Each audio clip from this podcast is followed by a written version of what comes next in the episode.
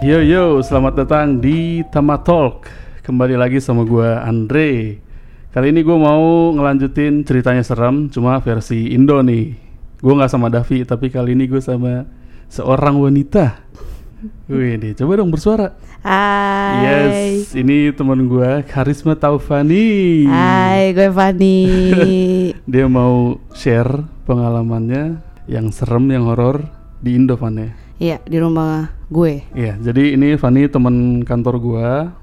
Kemarin tuh dia lumayan sering ngedengerin ya. Iya, gue penasaran pas Hmm. eh, Davi nge-share di Hmm. Instagram. Eh, sorry, Niki yang nge-share. Hmm. Gue lihat posternya yang Berdicel. Penasaran Berdicel. gue. Hmm. Terus gue nggak mau dong loncat-loncat dengerin episode lu. Ada gue Iya. dengerin dari pertama. Yes. Wah, ini gue tahu nih cerita yang pertama di mana nih karena gue juga tahu tempat itu. Nah, karena lu tinggal di tempat yang sama kan. Iya, bener. Yes. Nah, FYI ini kalau dari kalau kalian udah denger yang ceritanya serem Bangkok, si Fani ini kamarnya seberangan sama kamar Devi nih. Iya benar. Iya kan? Heeh. Jadi gue satu lantai Hmm. di tempat itu. Gue tuh kamar nomor sekian. Yes. Jadi Davi itu letaknya seberang gue, tapi kamar ketiga. Gue Hmm. suka main ke situ. Yes. Tuh bocah berdua masih Aldo. Yes. Suka ngomong, "Van, lu suka gini-gini." Enggak loh, kata gue. Nah, itu. Makanya pas gue denger, wah ini yang diceritain kemarin nih. Ternyata banyak ceritanya. Nah, itu si jadi si kamar Fani tuh aman justru, sama sekali nggak ada gangguan kan? Enggak, dan kamar gue tuh selalu rame. Iya. Kamar mereka enggak, harusnya kamar rame yang kayak ngeganggu kan. Mhm. tapi malah kamar mereka gitu loh Iya, tapi ya gitulah. Kamarnya Aldo sama Devi tuh yang lumayan banyak banyak gangguan. gangguan Nah, sekarang berhubung Fani aman-aman aja di sini, yes dia bakal cerita yang di Indo. Ah, Tadi gue udah sempet tanya-tanya juga sih. Lumayan lah dia udah ngejelasin sedikit. Cuma gue belum denger detailnya.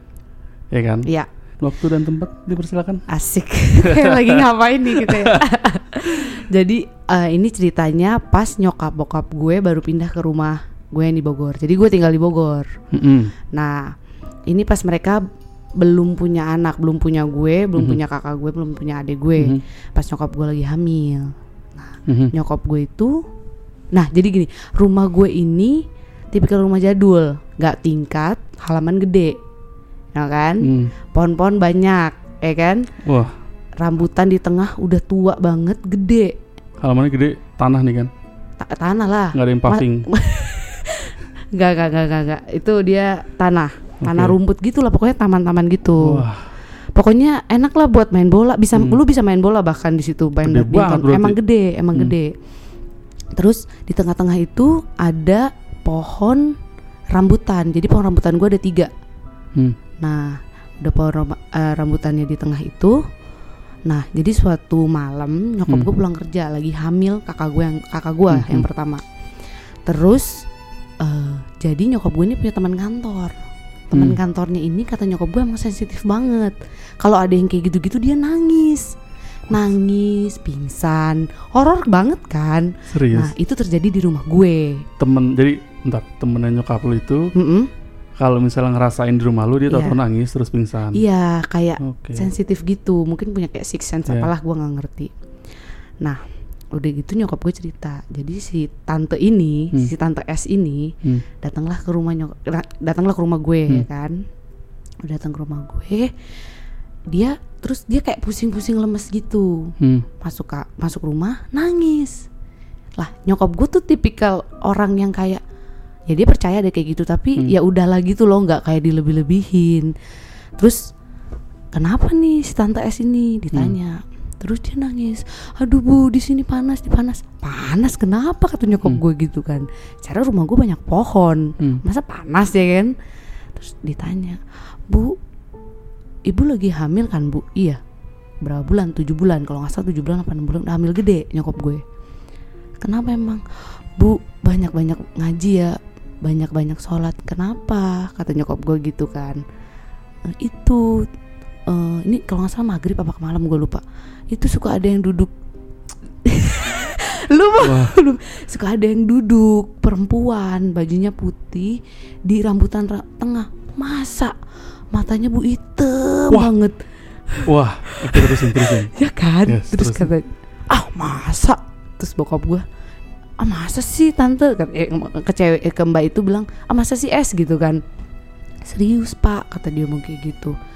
Terus terus udah tuh mereka udah tuh dikasih minum mereka ngobrol-ngobrol. Hmm.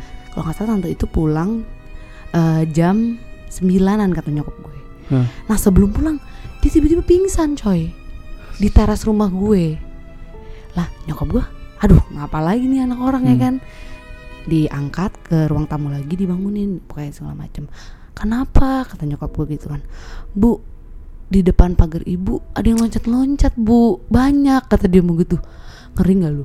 Sejak saat itu nyokap sama bokap gue kalau ngaji suaranya gede banget kalau pagi-pagi. Bismillah gitu. Sampai Serius. sekarang serius. Akhirnya tuh pohon ditebang sama bokap gue. Tapi bisa, Van. apa? Bisa bisa. ditebang. bisa. Karena Hmm. jadi gue baru inget dari cerita ini gue tuh selalu kena ulet bulu di situ kayak jatuh plung-plung aja. Gue terus. Lu terus? Gue terus tapi kakak adik gue mulai larian di situ enggak. Nggak pernah aman. aman. Dari teras, Van, dari teras ke Uh-uh. pohon rambutan itu seberapa jauh? hmm seberapa jauh ya? Kayak aduh gue nggak bisa ngira-ngirain lagi ya. Tapi pokoknya dari jadi garasi gue tuh ada tiga. Hmm, nah garasi utama itu kayak ada turunan gitu kayak di semen. Hmm. terus kanannya teras hmm. depannya itu langsung jalanan terus rumput-rumput kanan kiri nah eh, si pohonnya itu ada di rumput sebelah kiri agak tengah dikit menjulang dia tinggi garasi lu sebelah kanan. garasi gua enggak jadi garasi turunan dikit jalan terus rumput Ah, di kiri sama di kanan oke. emang agak lumayan sih jaraknya Oke. gitu jadi Gitu. si pohonnya tuh menjulang tinggi agak miring nah gua gua kaget sih ah masa dia yang suka duduk mah iya kata tante itu jadi pas eh, udah gua udah gede gua ket- tanya sama dia emang iya emang suka duduk di situ dia Oh, jadi sampai lu gede pun si tante itu masih berhubungan masih, sama masih nyokap lo? berhubungan karena masih satu kantor sama nyokap gue tante Oh. beneran beneran terus yang suka loncat-loncat itu beneran banyak di depan pagar tapi nggak bisa masuk Oh, really? interesting Nggak kan bisa masuk rumah? nggak bisa masuk rumah tapi si si kun kun ini tuh bisa duduk sering ngeliatin nyokap gua Ke rumah? ke rumah What? eh, nggak ini gua nggak nggak nggak nggak bullshit ya Iya, iya. ini nyokap gua soalnya yang cerita Hah. tapi nyokap gua orangnya kayak ya udahlah kita sholat mengaji aja deh sejak itulah dia mengaji suaranya gede banget sumpah itulah itu eh, apa namanya gue bisa bilang lu nggak bullshit sih karena dari cara penyampaian si yang lu sampein tadi tuh si Mm-mm. tante itu ngomong detailnya si Miss Kun Heeh. Kayak gimana itu gua gua juga pernah Ngalamin. lihat. Yes. Lu lihat? Gue pernah lihat. Lihat? Lihat. Wah gokil sih. Yes tapi Heeh. ini cerita lu dulu kan? Uh-uh. gue ntar nih gue nambahin iya iya iya habis iya. lu. Ya udah. Terus cerita kedua ini gue ngalamin pas gue SMP deh kayaknya. Kalau nggak salah SMP ya kalau gue nggak salah. Hmm, ini di rumah juga kan? Di rumah juga. Karena emang ada beberapa cerita di rumah ini ya kan? Hmm. di rumah juga. Terus eh gue itu kan satu kamar bertiga Aha, sama adik gue sama kakak gue cewek-cewek. Oke. Nah sebenarnya kakak gue punya kamar sendiri tapi dia nggak mau karena di depan. Paling depan? Paling depan. Dan itu paling depan paling bisa ngelihat ke teras kan? ya nah, rumah gue kan kebetulan nggak tingkat kan? Yes jadi cuma satu la- satu tingkat doang maksudnya satu lantai apa satu Iya. lantai doang Iya. jadi layoutnya tuh ruang tamu Mhm, rumah gue tuh panjang Dre hmm, terus ruang tamu ada lorong mhm. terus dari ruang tamu itu bisa tembus langsung ke kamar gue terus ada kayak pintu mati gitu Hmm. ada kamar nyokap gue nah di lorong terus baru kamar kakak gue langsung kacanya ke taman Hmm, Hmm. itu yang tadi gue bilang kan Nah, bisa ngeliat ke depan iya jadi itu kaca cuma diteralisin doang sama eh, bokap gue. Sama kaca yang kok ya kaca nako ya bener. Kayak yang dipencet-pencet itu kan bisa terbuka Iya, buka tutup yang- gitu kan. yes. Iya kan? Nah satu malam gue gaya nih ceritanya. Mhm. ya kan? Terus aku mau ngerjain tugas di kamar Kak Ica ceritanya kakak gue Kak Ica. Sendiri. sendiri. Gue namanya anak SMP kalau begadang berasa keren kan? Yoi. udah gitu ya udahlah sana kata nyokap gue gitu kan ngerjain tugas lah gue di situ sampai Hmm. sekitar jam 2 jam 2 apa jam 1 gitu karena Sendiri, besoknya Van? libur karena besoknya libur itu nggak ada yang nemenin lu nggak ada gue pakai laptop waktu itu Lu kuat ya? SMP apa SMA gitu gue lupa deh SMA Hmm. deh kayaknya kalau udah ada laptop gitu mah Iya. nah udah gitu Tapi bentar, apa sampai situ lu cuek aja gitu, lu nggak ngerasain apa-apa, Nggak lu nggak ngerasain kepikiran apa-apa ya? nggak kepikiran apa-apa karena gue asik mungkin asik main komputer ada komputer juga di situ Hmm. ada komputer ada laptop segala macam sampai kayaknya sekitar jam setengah dua apa jam dua gitu mungkin karena gue ketawa-ketawa kali apa teleponan Hmm. sama temen gue gitu loh Hmm. tiba-tiba ada suara anak di luar rame ketawa-ketawa di Serius? teras itu Serius? jaraknya deket banget coy Lu denger? masa gue bohong denger gue terus hah apaan nih kata gue kayak gitu kan Hmm. terus gue diem nih gue matiin telepon sama temen gue Hmm. gue dengerin udah hilang suaranya Hmm. hilang. Ya udah kan abis itu ya udahlah gue ngerjain tugas lagi. Nah ini ada suara eh, bola basket lagi kayak di dribble. Aduh. Gue inget banget bola basket gue tuh udah kempes dan udah lama banget dan itu di garasi. Ini Anjir. dari mana arahnya gitu kan? Dan suara deket coy. Iya, lu tahu nggak? Gue nggak ngerti keberanian dari mana courage dari mana gue kayak gitu. Lu ngintip keluar. gue ngintip. Kagak ada apa-apa Itu suaranya lama, Van, sampai lu memutuskan untuk ngintip. iyalah lama pokoknya kayak orang main dribble dribble gitu dan suara anak kecil gitu kayak dua apa tiga orang Oke. gitu loh Gila sih.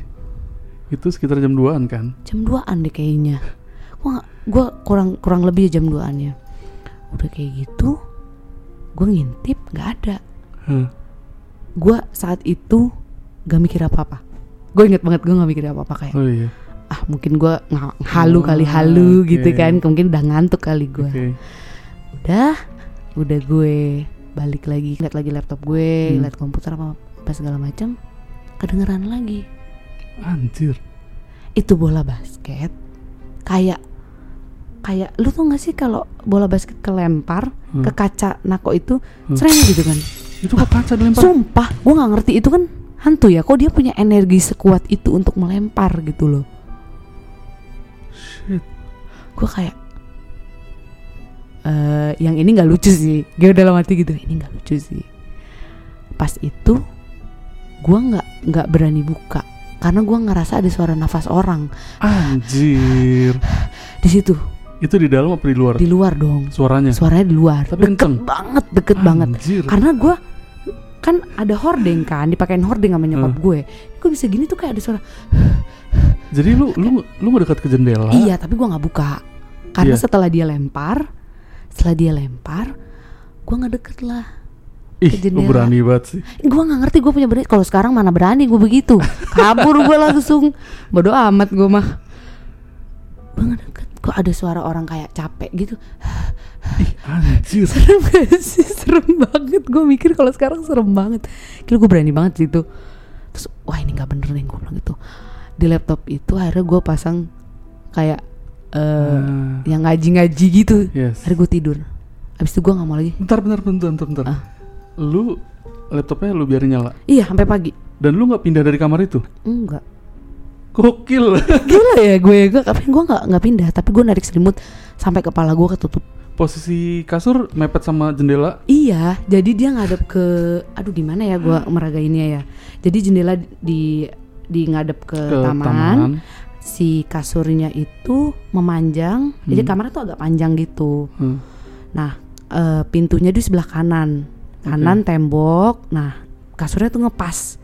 Oke. ngepas. Nah ditaruh situ lah sama nyokap gue. Uku- Ya kasur ukuran queen lah. Tapi nggak bukan arah tidur kita ngadep ke mana? Ke jendela. Kita Jendela, ngebelakangin jendela. Oke. Jadi lu kalau tidur kepala lu jendela. Iya. Ah. Tapi gue ganjel jendelanya biar eh hordingnya nggak terbang-terbang. Takut banget coy. Lagi begini, bah. anjir sih. Tapi itu Wah itu parah sih. Ini gue baru denger nih versi kayak gini. Iya itu.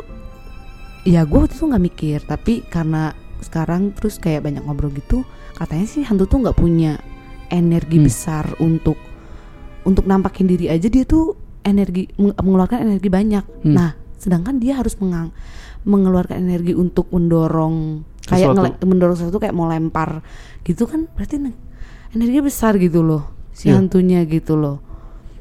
Makanya makanya gue kalau inget-inget lagi buset gue berani banget gitu kan pakai tidur di sih. situ lagi gitu kan ya gue nyalain ngaji-ngajian sih sampai pagi Hmm, tapi abis itu udah aman udah aman selama lu tidur. ya abis itu gue nggak mau lagi tidur kamar situ ditempatin sama tante gue di situ sekarang Jadi lu denger banyak yang main kan? Kayak Iya. ada suara bocah apa gimana? iya Nah, si tante S tadi ya? tante S eh, Tante S tadi dia bilang kan ada yang lompat-lompat di luar banyak, pagar banyak. Heeh.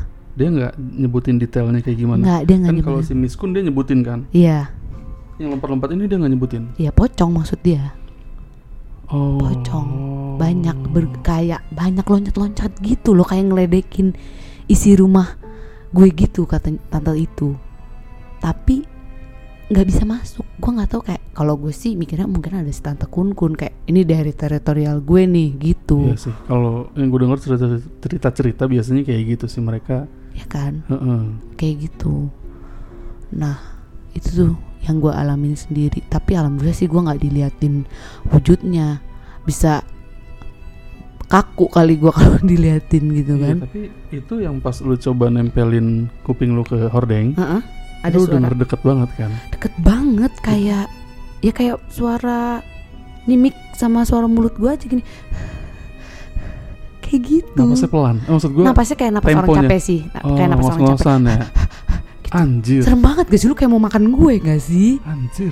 Gue kayak tapi gue nggak nggak kali ini nggak gue buka karena gue mendengar suara itu kali ya gue takutnya orang itu depan Wah, gue gak kebayang tuh kalau lu buka pan. Tapi itu suaranya harusnya kalau misalnya bola basket kena kaca nako kenceng kan harusnya. ya kenceng memang Lu pagi-pagi nggak nanya. Semalam denger suara gue gue nggak inget kayaknya gue nggak nanya deh ah, karena gue nggak inget nggak nanya kayaknya gue maksudnya gue kayak udah lupa aja gitu loh yang namanya anak SMA Iya sih. kayak udah aja gitu loh Iya, tapi iya. gue inget ceritanya gitu loh detailnya kayak gitu ah ya. ah, Itu detailnya kayak gitu bisa ngebayangin sih. Kalau misalkan lu nggak kalau misalkan gue halu Hmm, hmm. atau gue kayak cuman gimana kayak cuman gue kayak ngarang-ngarang ah bukan ngarang-ngarang Hmm. apa sih kayak ngayal-ngayal doang Hmm. kayaknya nggak mungkin cerita gue sedetail itu gitu Iya, loh iya. sampai ada suara nafas kayak gitu gitu Iya, iya. gue gue kayak kalau diinget lagi nggak ini gue yang ngalamin beneran gitu loh kalau gue inget iya.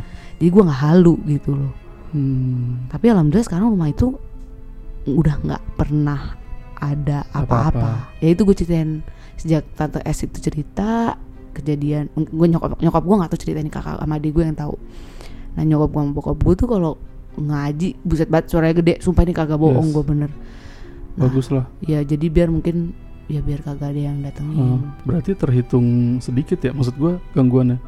Secara tadi lu bilang dari awal si tante S yang pengalaman pertama itu Mm-mm. lu belum lahir kan? Belum. Kakak lu pun belum. belum masih berdua bokap nyokap gue Nah, sampai lu SMA pun Heeh. baru tuh lu ngerasain kan. iya Dan yang lain kakak lu ada lu?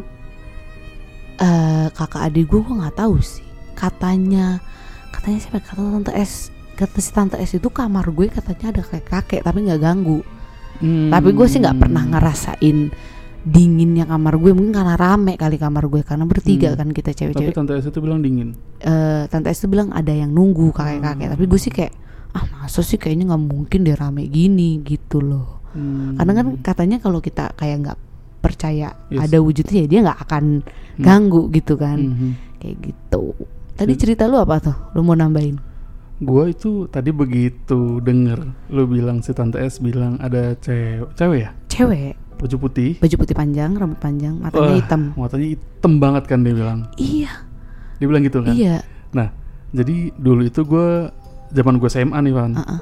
Gue waktu itu balik sekolah. Oh bukan balik sekolah. Gue masih SMA tadi gue bilang. Uh-uh. Gue lagi balik nongkrong sama teman-teman gue nih Mm-mm. jam 4 pagi. buset SMA jam 4 pagi SM Iya motoran nih gue. Tapi waktu itu cuma tiga motor. oh, iya. Gue paling belakang karena yang dua depan mereka sambil ngobrol gitu loh. Oh, kan, iya, iya, pelan-pelan. iya, iya. Nah gue di belakang Hmm. sendiri. Eh, terus em, jadi waktu itu gue ngelewatin daerah kiri kanannya itu tempat pembuangan sampah gitu kan. Oke. Nah tapi ada rumah warga yang semi permanen gitu, Oh. termasuk rumah-rumah pemulung yang Oh iya iya iya. di situ kan. Nah gue inget banget waktu itu sebelah kanan gue ada rumah. Mm-mm. Ini rumah biasa nih ya, Mm-mm. dia nggak tingkat rumah biasa. Terus ada di luarnya tuh ada teras L gitu loh dari samping rumah ke depan. Oke oke iya iya. L Nah, ah. tapi cuma kayak mungkin kayak semeter dua meter Kecil lah ya, kecil. kecil kayaknya nggak bahkan nggak sampai 2 meter Hmm. nah itu dia L dari sampai rumah ke depan di sudutnya itu sudut L-nya itu Mm-mm. ada lampu satu Hmm, kayak lampu buat di terasnya aja gitu Yes. buat nerangin ya. Heeh, ada lampu satu aja gitu Mm-mm. waktu itu gue sama sekali nggak ngerasain apa-apa Mm-mm. gue biasa aja namanya lagi motoran kan Ini gue ini lu keadaannya lagi jalan di motor Lagi apa jalan. lagi diem? lagi naik motor Oh, naik motor. Iya. Oh, iya ya. Lu jadi ngelewat nih. gue lewatin rumah Oh, itu Oke. pas gue lagi nengok kiri kanan lagi nengok kanan nih Ah. ke rumah itu di bawah lampu itu Van ada cewek berdiri Ngeliatin lu. pakai baju gua nggak tahu dia ngeliatinnya ke mana pokoknya ngadepnya ke jalan Anjir anjir. anjir. dia baju Gue lagi putih. ngebayangin dia baju putih rambutnya tuh Panjang. panjang sedengkul Astagfirullahaladzim.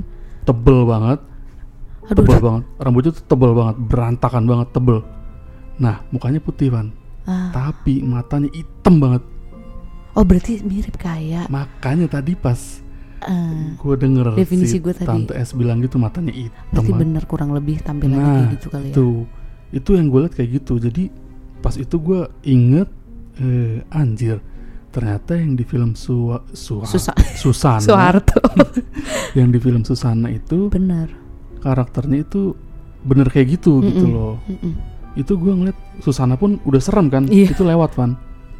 Sumpah si Susana itu rambutnya kurang tebel. Tapi dia nggak nggak ngelihat ke lu. gue nggak tahu dia ngeliat ke mana karena matanya hitam.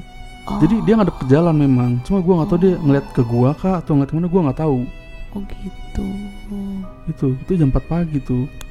Eh pokoknya yang benar-benar nyangkut di gua tuh mukanya putih. Rambutnya sih rambutnya ganggu banget sumpah.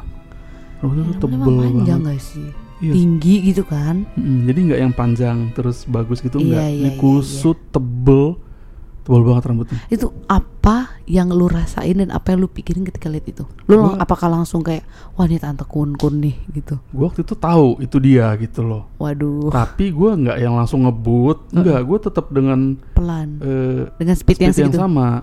Terus gue nyamperin temen gua ngikut ngobrol Heeh. balik. Besoknya gue baru cerita ke mereka. Oh. Dan mereka biasa aja Itu daerah mana tuh kalau boleh tahu?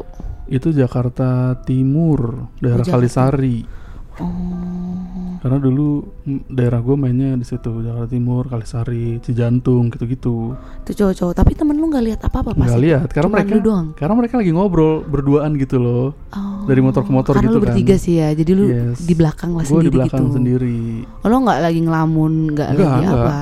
enggak Oh, karena itu gue tapi ngeliatnya gue jelas loh itu si Nggak nggak nggak ngehalu gitu Enggak, kan? orang gue ngeliat bener-bener bukan yang sekelebatan Van enggak. jadi gue ngeliat bener-bener sambil jalan tuh gue ngeliat gue mastiin ini bener nggak sih si mbak mbak ini? Ternyata bener dia. Tapi si terasnya itu memang remang-remang ya, cuman ada satu. lampunya lampu. terang lampunya terang. Oh, nggak remang-remang putih warnanya. Bukan yang kuning gitu enggak lampunya terang. Serem banget. yes Gue lagi ngebayangin kayak lu lagi naik motor malam-malam. Hmm, dan waktu itu jaraknya deket nggak? Jaraknya deket nggak dari jalanan? enggak dari jalanan kayak ada sekitar 10 meter ke rumah itu jadi ada halaman dia dulu baru rumah itu Rumahnya di pagar apa enggak? enggak Nggak Oh rumah zaman zaman sekarang lah ya nggak ada pagar-pagarnya gitu nggak sih? enggak. Yang kalau lu lagi di komplek-komplek gitu kan? Mm-mm, tapi itu bukan di komplek, Iya itu iya pinggir iya, jalan iya, gitu. Iya iya. Nggak dipagar rumahnya, jadi langsung aja plong gitu loh. Tapi ini jalanan gede. Enggak, Oh, no. Bukan iya, iya, jalan iya, gede. Iya iya iya, make Ini sense kayak- sih. iya. Makanya kalau jalan jalanan gede, wah ngeri juga gitu kan? Iya, itu gue inget banget sampai sekarang. Lumayan. Jadi nggak bisa lupa itu gue wujudnya dia tuh sampai sekarang. Makanya pas tadi lu cerita kan gue, wah bener berarti emang kayak begitu Emang bentuknya. begitu bentuknya. Matanya hitam banget, bener-bener hitam. Jadi lu bahkan nggak bisa ngeliat bagian putih di matanya nggak bisa. Oh semuanya. Semuanya hitam. Oh. Makanya gue nggak bisa bilang dia ngeliat ke mana, nggak bisa. Iya iya iya iya iya. Iya. Itu. Serem banget sih sumpah. Tapi katanya ya Andre, kalau misalkan dia memperlihatkan wujudnya itu berarti energinya udah kuat banget tuh dia. Dan itu lama, Van. Oh. gue ngeliat dia karena gue mastiin gitu loh kayak mungkin ada seret sambil jalan dan gue akhirnya bawa bener muka gak sih iya. gitu kan? Hmm, dan akhirnya gue bawa muka dan udah gue biasa aja gue nggak ada kepikiran kayak waktu itu tahu-tahu dia di belakang gue numpang ya kan Permisi. iya makanya itu gue wujudnya satu dan diketawain gue juga pernah Gimana tuh kalau diketawain gue pengen denger. ketawanya nggak kayak yang di TV-TV, nggak kayak di film horor itu enggak. Oh enggak, enggak seheboh itu gitu. Enggak, tapi ini bangsat. gue emosi dengernya. Jadi ini setengah tiga pagi Ini di mana di Di rumah gua. juga. Oh. di rumah gue. Setengah tiga pagi, gue mules. Oke, normal ya. Yes, gue mules. Gue Nggak bayar dicel kan? enggak, enggak, Terlaluan sih kalau lu bayar dicel di rumah. enggak. Itu gue inget banget setengah tiga pagi, gue ke kamar mandi, Mm-mm. udah tuh gue nyetor dengan kayak biasanya, Iya. ya kan. Tiba-tiba Van Hmm. di arah belak belakang gue tembok kan. Oke. Nah di balik tembok itu atas kayak di genteng gitu, Hmm. tuh ada yang ketawa. Ketawanya tuh yang bukan bukan kayak kunti-kunti biasanya gitu Ya, enggak. ketawanya gimana? Kayak ketawa manusia tapi Ketawa cewek tapi Cewek kecil. tipis, tapi pendek ketawanya. Pendek-pendek terus ketawa lagi, terus pendek-pendek. lu diketawain kali karena ga- gara-gara mau beol. Wah nggak tahu dah tuh. Mampus lu mau beol malam-malam gua gua, gua ketawain. kaget kan. Itu langsung segala keran gue nyalain, gua gue siram-siram segala macem tuh biar berisik. Iya iya. Tapi akhirnya Pergi dia hilang, suaranya. hilang suaranya. Suaranya dekat apa jauh? Eh, suaranya jauh tapi jelas. Katanya sih kebetulan dia di dekat lu katanya. Katanya gitu kan, kalau jauh Heeh. dia deket. Uh-uh. Itu soalnya suaranya jauh tapi jelas banget pan. Gue bisa denger. Serem Tuh. sih. Mungkin dia ada di sekitar lu karena ngeliat lu kebelet berak waktu itu. Nggak di sebelah rumah gue tuh memang Terkenal. ada. Yes, tapi itu gue simpen buat selanjutnya. Eh, Itu pengalaman gue nanti. Oke. Berarti nih Fanny dia orang pertama yang memulai ceritanya serem di Indo di Tamatalk, ya Yes. kan? Makasih loh gue diundang ke sini. Yes, terima kasih juga buat waktunya. Eh, Tapi serem banget sih ceritanya Fanny itu gue baru dengar versi digangguin yang kayak gitu sampai Iya. denger napas itu gue baru pertama kali denger Pan. itu aneh sih. Dan Hmm. lebih aneh kenapa gue nggak takut gitu loh nggak cabut dari itu kamar gitu ya nggak Hmm. sih? Mungkin kayak nggak ada pikiran kayak ya udahlah tidur aja gitu. Gue Mhm. udah merasa safe dengan eh, rekam apa rekaman yang ngaji-ngaji gitulah ya Mhm. udahlah gue tidur gitu. Mhm. Terus Sebenarnya ada satu lagi sih. Ini serem dibilang serem, lucu dibilang lucu gitu kan. Ini, coba ini ceritanya waktu gue kuliah. Jadi gue kuliah Lu kuliah di IPB waktu itu. Oke. D3 waktu gue D3. Gue kan D3 terus S1. Hmm. Pas gue D3 itu gue beres kelas praktikum itu sekitar jam 4. Nah, gue suka abis itu kita main sama temen gue. Gue pulang lah jam 8 jam 9. Hmm. Nah, kalau nggak salah dulu udah ada Gojek belum ya? Kayak belum deh zaman Mhm. kuliah itu. Mhm. Gue naik ojek biasa waktu itu. Diturunin, eh enggak, gue nebeng teman gue, gue inget karena dia nurunin gue depan gang. Karena dia bilang, oh Van gue malas sama masuk gang rumah lu, serem. Padahal Hmm. bokap gue tuh udah pasang lampu tiga di gang. di gang. Hmm. Karena anak-anaknya perempuan suka pulang les, pulang kuliah, Iya, iya. apa gitu kan malam. Nah, jadi rumah gang rumah gue ini rumahnya lebar-lebar, gede-gede. Mhm. Eh, tapi yang nunggu kadang-kadang nggak ada udah tinggal di luar Oh, gitu nah yang rumah pertama banget Dia itu nggak punya nggak punya pagar Mhm. jadi kalau mau masuk rumahnya itu banyak pohon-pohon juga kan Mhm. rumahnya itu manjang ke belakang sampai ditembokin sampai rumah gua kayak Hmm. gede banget deh rumah dia pokoknya Panjang dong berarti. ya? soalnya di dalam rumah itu ada beberapa keluarga Oh, oke. gitu nah boleh nggak sih gue jemput namanya Eh, terserah lu. eh si ini yang punya rumah itu adalah dokter jiwa Jenny dia Oke. adalah psikiat psikiater ya psikiater Mhm. kalau nggak salah dia psikiater suaminya itu orang Belanda jadi dia sering bolak-balik Ah. Indo sama Belanda waktu itu Oke. nah eh, Kak, terus dia punya anak-anak anak-anaknya tuh pianis apa pokoknya aneh-aneh lah Oh, pokoknya gitu oke. kan anak yang pianis tuh kalau jam 12 malam main piano coy treng treng treng lu kayak wah ngaco sih nih orang gue kalau pas kuliah kan ya udah biasa lah kalau misalnya tidur malam gitu kan gue kayak bokap gue nonton dulu ya itu apaan sih alah itu anaknya Jiwa Jenny tuh si siapa itu yang pianis itu malam-malam kata bokap gue gitu Oke. dan sumpah kayak di film setan gitu Oke. ngaco deh nah dan dia punya banyak anjing anjingnya Oke. itu 134 Wah. dia pernah dicek sama kayak apa ya pokoknya pemerintahan gitu gue lupa apa Mhm. namanya dicek karena dia dianggap ternak anjing Oke. padahal dia tuh memang cinta banget sama anjing Sampai 134. sumpah kandangnya tuh ada di apa namanya di tembok Oke. rum- eh, antara rumah gua sama rumah di mereka Oke, oke. nah si jiwa Jenny ini memang jarang pulang jadi gua agak-agak lupa mukanya kayak gimana Hmm. nah ini ya Ini udah berusia kah, dokter? ah dia udah berusia udah Oke. berusia sekitar mungkin 50 50 udah udah Oke. rambutnya putih lah 50 Oke. 60 lah kayaknya kayak Oke. nggak sih Um, terus gue pulang lah diturunin temen gue di depan gang Gang. Nah, rumah dia kan banyak pohon-pohon nih. Jadi kalau mau Yes. masuk itu jalanan, jalan batuan gitu, Oke. pohon-pohon-pohon kanan kiri. Terus terasnya, I terasnya see. kecil. Yang lu bilang gak ada pagar kan dia? Ya, nggak ada Oke, oke, pagar. Jadi lu kalau masuk tinggal masuk aja langsung Yes. garasinya. Apa sorry, eh, terasnya. Oke. Tapi rumahnya gede gitu Mhm. kan. Jadi eh, rumahnya terus di samping rumah depannya itu kayak ada gerbang lagi. Baru Oke. ma- masuk rumah utamanya, ada rumah Oh, anak-anaknya, oke. ada rumah saudara-saudaranya kayak gitu. Oke. Nah, dia jadi pas gua pulang jam berapa ya? Jam 8 apa jam Hmm. 9 gitu. Mhm. Turunin sama temen gue depan gang. Lampunya nyala, tapi remang-remang tau nggak kayak ada binatang yang muter-muter. Yes, ah, itu yes, kan tau kan. gue. Gue jalan lah dari depan situ. Hmm. Kok ada orang lagi nyisir di Cewek. teras itu cewek. Isi rambut panjang. Iya, tapi ngeliatin gue mulu. Anjir. Aduh, gue merinding nih kalau ini. Lah, gue kan, gue, gue istighfar dalam hati jalan Hmm. gue langsung cepet gitu kan, Hmm. langsung jalan cepet. Dah, besok paginya sebelum nyokap gue berangkat kerja, mah di depan tuh kayaknya ada nenek gayung deh. Gue bilang kayak gitu sama nyokap gue. Pulanglah kau malam-malam tuh kata nyokap gue gitu kan. eh, beneran ini. Terus bokap gue itu nenek gayung apa sih dokter jiwa Jenny kata nyokap gue eh kata bokap gue gitu Hmm.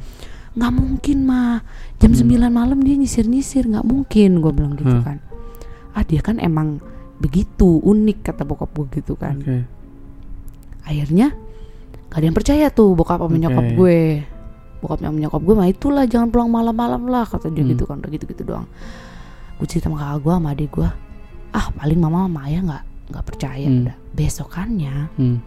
nyokap gue pulang nih sama supirnya Hmm. set gitu kan pulang em, supirnya itu pulang habis mag ya habis maghrib Hmm. eh, pulang nih terus di deket jadi eh, gangnya itu ada gang rumah gue tuh ada tembok gitu tembok mungkin sepinggang kali ya Yes. Nah, jadi dari dari rumah gue itu temboknya tadinya eh sekepa apa sampai kepala orang Oke, dewasa, oke. terus turun turun turun turun sampai sepinggang doang. Jadi Ah, oke, teras oke. rumah si dokter jiwa Jenny itu kelihatan. Oke. ya kan.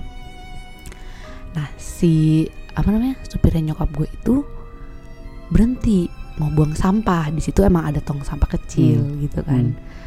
Berhentilah buang sampah dulu gitu kali Hmm. ya Ini malam nih. malam Oke. eh sorry maghrib abis Oke. maghrib ya kan abis nganter nyokap gue terus dia ini apa namanya eh buang sampah terus ke tempat ngelihat ke arah teras si Hmm. Terus eh supir gue kaget astagfirullahaladzim ada yang nyisir lagi coy Maghrib. maghrib Oke. masih misteri nih Iya. akhirnya besokannya eh, nyokap gue pulang agak malam Oke. terus nyokap gue ngeliat gue percepat aja ya Hmm. nah nyokap gue lihat Hmm. posisinya gitu bu ini yang saya lihat kemarin nyokap gue astagfirullah nyokap gue nyokap gue juga kaget kayak itu nyokap gue kan astagfirullah kata dia kayak gitu papa berhenti dulu pak biar saya turun nyokap gue berani banget coy Hmm. turun Oh. nyokap gue tuh kayak hei hei gitu nyokap gue dokter dokter katanya gitu diem aja dokter dokter katanya terus eh, kan dia kayak miring gitu kepalanya Anjir sih. ya kan Rambutnya putih kan? Iya rambutnya putih kayak ubanan gitu. Dokter dokter nyokap gue kayak pernah hei hei gak nggak nggak nyaut. Hmm. Dokter dokter terus noleh. Iya kenapa? Jawab ternyata itu dokter jiwa jeninya beneran. Jadi bukan hantu. Tapi tetap tetap horor sih Horor itu. kan? Lagi dia ngapain coba nyisir nyisir malam di situ?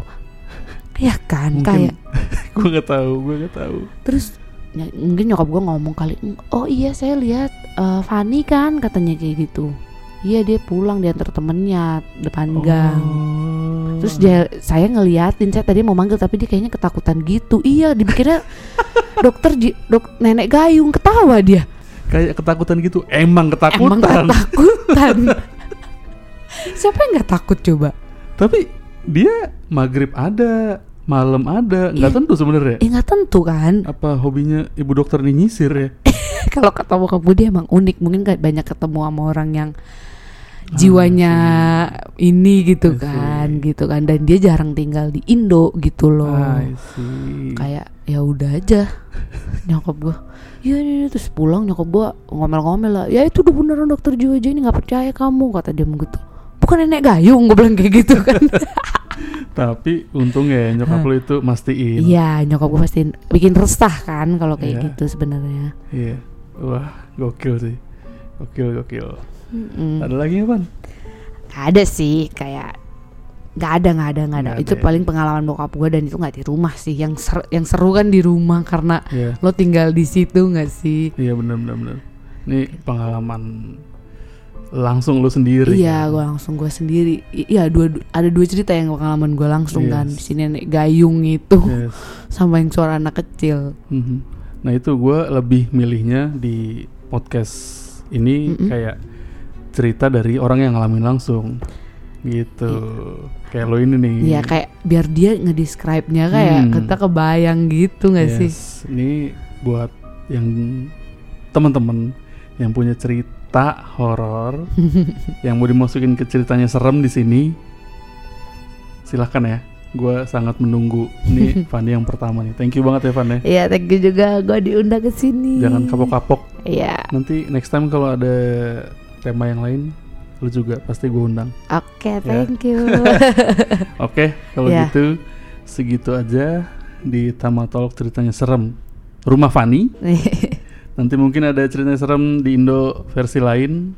yes. Kita jumpa di versi selanjutnya. Terima kasih banyak yang udah denger gua Andre dan Fanny. pamit. Bye bye. Bye.